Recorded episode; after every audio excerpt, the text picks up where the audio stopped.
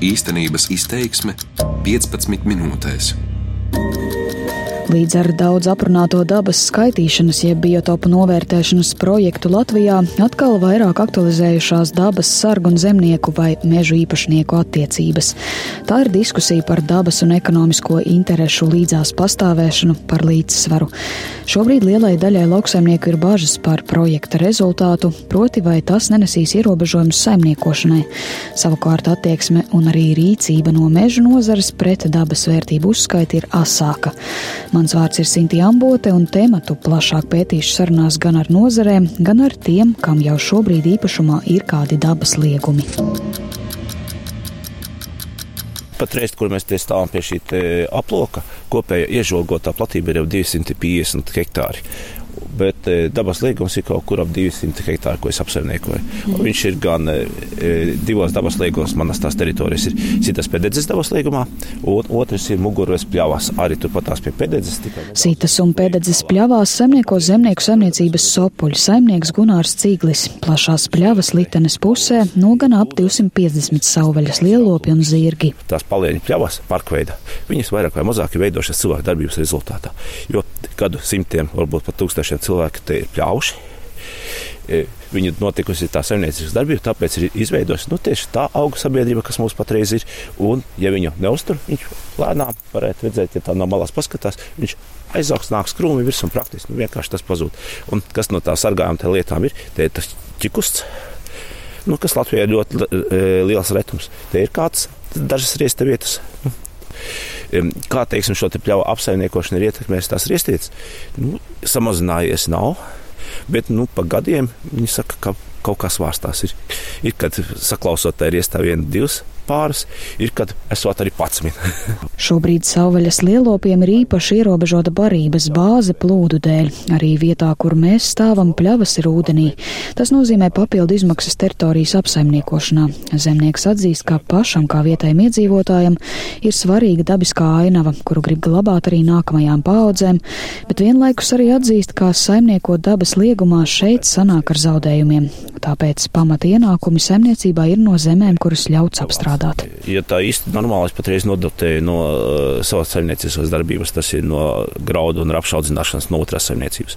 Jo ar šiem atbalsta maksājumiem, ko patreiz es viņu vienkārši nav tas iespējams. Un tā lielākā sāpe patreiz ir tā, ja iepriekšējā plānošanas periodā bija tie dabas aizsardzības, e, Natura 2000 maksājumi, arī par bioloģiskās daudzveidības uzturēšanu zālēs maksā krietni vairāk. Patreiz tie līdz tai kartēšanai 50 eiro. Nu, tas ir samazināts praktiski nu, kaut kur pa 100 eiro salīdzinot ar iepriekšējo. Un tas te varam redzēt, reāli nozīmē to, ka patreiz tā uzturēšana ir, ja viņš šis jautājums neparisināsies, acīm redzot, man ir jāizvēlās, vai viņu vispār tos dzīvniekus turēt, ja viņus vienkārši nolikvidēt. Bet nolikvidējot dzīvniekus, automātiski ir tā, ka šīs pļavas aizaug. Lītenis zemnieks Gunārs Ciglis cer, ka līdz ar šobrīd aktuālo dabas skaitīšanas projektu viņam atbalsta maksājums pieaugs, ja tiks konkrētāk fiksētas dabas vērtības. Savukārt kurzemē abavas senlejas parka teritorijā saimnieko vairāki lauksaimnieki graudaudzētāji. To vidū zemnieks Uģis Ziediņš no saimniecības Brasliņi, kam ap 50 hektāriem zemes ir dabas parka teritorijā. Tas gan nav liegums un šobrīd liels ierobežojums vai zaudējums rapšu laukam nesagādā. Graudkopis tomēr saka, ka tad, ja īpašumā ir kāda dabas sargu redzes lokā esoša teritorija, zobu sāpes sagādā neziņa par to, vai nākotnē zemē var mainīt statusu tieši līdz ar dabas skaitīšanas projektu. Bažas ir par to, cik tālu viņi noteiks to liegumu ja gadījumā atrod kaut kur blakus teritorijā, ne, nevis jūsu 50 jā, hektāros, jā, jā. bet ja ļoti tuvu. teritorijā atrod kaut ko, uz šobrīd nav liega, uh, nav nekādi, nu tādi baigi īpaši ierobežojumi, bet, lai viņi pasaka, turpmāk neuzliks. To nedara neviens. Mēs, mēs gribējām, lai tās teritorijas ielika, nu, ielika neitrālās, tāpat tās, ka viņi ir ielikuši ceļus, elektropārvades līnijas, jā, tās ir neitrālās teritorijās. A, kāpēc lauksaimniecības zemes nu, viņi nevar ielikt? To nevarot tieši tās, kuras, bet jūs tiešām runājat par tām, kuras ir šobrīd apsaimniekošanā, nevis tur atmetas kaut kādas vai kaut kas tāds, bet tiešām. Tieši, tieši par apsaimniekotājiem. Kas ir tur abaus lejā, gar abau tās meža pļavas, nu, lai viņas ir, nu, viss ir kārtībā. Viņām tur jābūt ir. Bet mēs baidāmies jā, par to, ka, kas ir tagad, ko, ko mēs strādājam. Lai mums neierobežo lietot kaut kādu, nu, teiksim tā, tos pašus minerālu mēslus, pesticīdus. Ja ir lauksaimniecības zemes, tad eh, lauksaimniecības zemēs nav tik eh, nozīmīgas dabas vērtības, lai uzliktu liegumu vai mikroliegumu. Tāpēc, piemēram, normāls ražojošs lauksaimnieks arī tagad dabas skaitīšanas kontekstā pat nevajadzētu uztraukties, jo rapšu laukā, griķu laukā vai graudu laukā nebūs tās īpaši aizsargājumās dabas vērtības. Tā zemnieku bažas komentē dabas aizsardzības pārvaldes eksperte Gunta Gabrāne. Pārvaldes dati liecina, ka kopumā šobrīd privātīpašniekiem pieder lielākās īpaši aizsargājamo dabas teritoriju platības, tie ir 62%. Teritorijas iedala dažādās kategorijās. Gabrāne stāsta, ka ierobežojumi pamatā ir zemēm ar rezervātu un liegumu statusu. Par mežsaimniecības darbības liegumiem izmaksā kompensācijas, kā arī var saņemt lauksaimniecību stimulējušu maksājumu par bioloģiski vērtīgu zālājustu uzturēšanu? Nu, varētu būt pieņemsim, ka cilvēks ir apsaimniekojis e, vairākus gadus, tad, piemēram, kādus 3-4 gadus ir atstājis to pļavu kaut kādā atmetas stadijā. Un var gadīties, ka tur ir ieaugusi kāda indikātora suga. Bet, e, protams, eksperts ir e, cilvēks, kas izvērtē to svarīgumu. Un tad var secināt, ir tā īpaši aizsargājums potenciāls tai vietiņai vai nav. Dabas pārvaldes ieskatā kopumā valstī dabas sargu sadarbība ar zemes īpašniekiem ir ļoti atšķirīga. Bieži cilvēki vēlas saprast, kā izmantot savu bioloģiski vērtīgo īpašumu, bet netrūkst arī konfliktu un neskaidru situāciju, īpaši līdz ar šobrīd aktuālo dabas skaitīšanas procesu. Viens no pēdējiem gadījumiem ir meža strādes uzņēmuma dižozols vēstules mežu īpašniekiem, kas izteikti negatīvi atsaucas uz dabas skaitīšanu un biedē ar sekām. Rokās turot šo vēstuli, tā Tās saturu vairāk raksturo pārvaldes dabas aizsardzības eksperte Gunta Gabrāne. Jā, uzņēmējs ir izpētījis, ka cilvēkam ir daļēji neapsaimniekots mežs 11 hektāru apmērā. Nu, tad, protams, arī šis uzņēmējs brīdina, ka uh, ir dabas skaitīšanas projekts, un, un ja tas jūsu īpašums būs aizaudzis vai neskarts, tad viņu pievienos biotopam un jau paskaidro, kas nozīmē, ka jebkāda mežsaimnieciskā darbība tiks aizliegta kas ir tieša biedēšana vai pilnīga musināšana.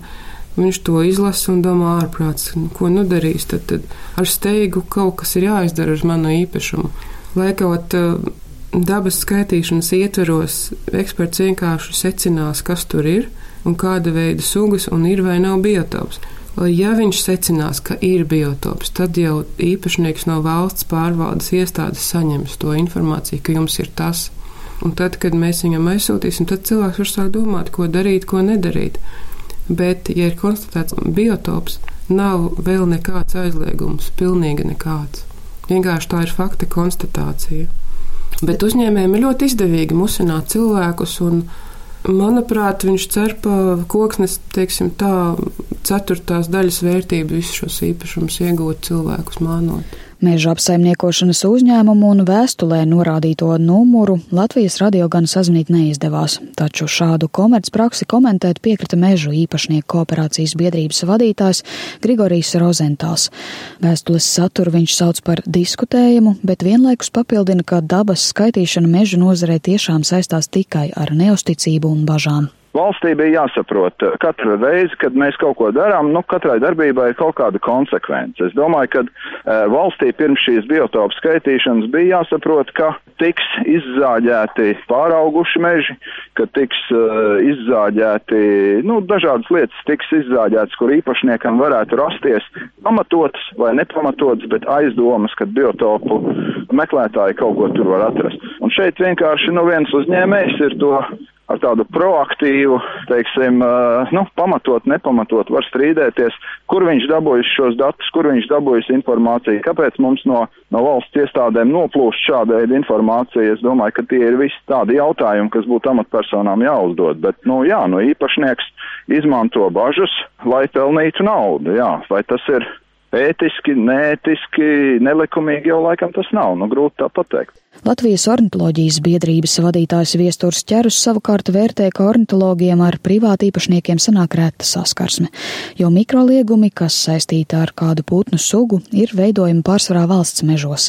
Ornitologs arī norāda, ka šobrīd liegumu Latvijā ir objektīvi maz, un arī viņi ieskatā dabas skaitīšana meža īpašniekiem nav jāuztver kā biets. Nu, ja mēs skatāmies, teiksim, uz teritorijām, kur ir aizliegta galvenā cirto mežsaimnieciskā darbība, tad valsts mežos tāda būs nepilni 12%, privātajos mežos nepilni 2%. Un ar diviem izņēmumiem, es teiktu, melnais stārķis un mēdnis arī klinšērglis varētu būt uh, stipri labi aizsargāti ar mikroliegumiem, bet lielākoties visas pārējās sugas, kam mikroliegumi būtu veidojami, ir uh, aizsargāti salīdzinoši stipri neliela daļa no populācijas. Es nezinu jaunāko skaitļus, bet, teiksim, maziem mērlim tie bija nepilni 10%, kas ir aizsargāti ar mikroliegumiem. Tā arī ir lieta, ko paturēt prātā, ka ir mikroliegums vai nav, šīs lielās līgas ir aizsargājums šā vai tā tu vienalga nedrīkst nocirst koku, kurā tā līgst atrodas. Tas ir ar ministru kabinetu noteikumiem noteikts. Note, eh, tas ir mikrolieguma veidošana, atkal varbūt ir viena iespēja saņemt naudu par to, ka to līgstu nenocērt. Un, kā jau teicu, tu tāpat nedrīkst to darīt. Savukārt lauksaimnieku organizācijas zemnieku saimas pārstāve Maira Dzelskalē secināja, ka zemju īpašniekiem ir svarīgi zināt, kas atrodas viņu īpašumā. Dabas skaitīšanas rezultāti nevien dotu iespēju saprast, kur atrodas aizsargājums teritorijas, bet arī būtu pamats diskutēt par šo vietu labākiem apsaimniekošanas veidiem, kas dot labumu gan dabai, gan īpašniekiem. Šobrīd ir nepieciešams tiešām turēt šo te vienošanos, ka tād, kad būs saskaitīts, tad, kad būs atrastas lietas, tad arī ir jāsēž kopā pie galda un jālem par to, kurā vietā, ko mums saglabāt. Tad viss būs kārtībā.